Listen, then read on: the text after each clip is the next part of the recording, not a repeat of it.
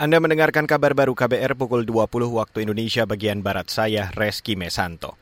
Saudara Presiden Joko Widodo menegaskan keberagaman suku menjadi salah satu kekuatan bangsa Indonesia. Keberagaman ini, kata Jokowi, menjadi dasar pembangunan asrama mahasiswa Nusantara atau AMN yang nantinya tersebar di sejumlah provinsi di Indonesia. Hal itu disampaikan Jokowi saat meresmikan asrama mahasiswa Nusantara di Surabaya, Jawa Timur hari ini. Keberagaman itulah yang menjadi kekuatan, bukan kelemahan, hati-hati keberagaman Indonesia adalah kekuatan, bukan kelemahan. Kalau kelemahan artinya gampang diadu-adu domba.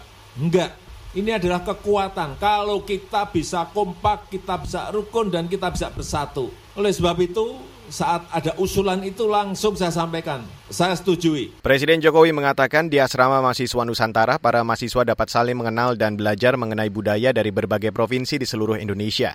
Selain itu, penghuni asrama Nusantara akan dibekali wawasan kebangsaan dan berkesempatan mendapatkan beasiswa. Selain di Surabaya, asrama mahasiswa Nusantara rencananya juga akan dibangun di Makassar dan Manado. Beralih ke berita selanjutnya, Saudara, Lembaga Pemantau Kebijakan Publik Ombudsman RI menemukan ada enam potensi maladministrasi yang dilakukan sejumlah pihak terkait pendataan dan penebusan pupuk bersubsidi menggunakan kartu tani. Anggota Ombudsman RI, YK Hendra Fatika menyampaikan temuan itu dalam laporan akhir hasil pemeriksaan atau LHP investigasi terkait penggunaan kartu tani di Jakarta hari ini. Yang pertama, Kementerian Pertanian terbukti telah melakukan maladministrasi dengan tidak mengoptimalkan dan mendukung pelaksanaan tugas dan fungsi dari penyuluh pertanian. Kami perlahan-lahan ada sekitar 30 lebih regulasi dalam mempatwakan maladministrasi ini. Jadi persoalannya adalah karena data RDKK-nya yang tidak valid. Itu permasalahannya. Anggota Ombudsman RI YK Hendra Fatika menjelaskan potensi maladministrasi lain adalah ketidakcermatan Kementerian Pertanian merencanakan kebijakan penebusan pupuk bersubsidi menggunakan kartu tani. Potensi maladministrasi lainnya adalah tidak optimalnya distribusi kartu tani, di mana dari 14 juta kartu yang tercetak, baru 10 jutaan kartu yang didistribusikan.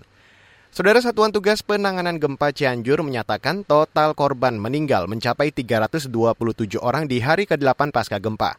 Komandan Distrik Militer 0608 Cianjur Haryanto yang mewakili Satgas mengatakan jumlah korban bertambah setelah relawan kembali menemukan korban gempa dalam 24 jam terakhir. Eh, sampai dengan waktu sekarang, jam sekarang, korban jiwa meninggal dunia sejumlah 327 jiwa hasil pencarian sampai dengan Selasa 29 November ditemukan sejumlah 4 jiwa. Komandan Kodim 0608 Cianjur Haryanto menambahkan korban hilang tercatat sebanyak 13 orang, sementara korban luka berat mencapai hampir 600 orang dan sekitar 108 ribu orang masih mengungsi. Dan saudara, demikian kabar baru saya Reski Mesanto.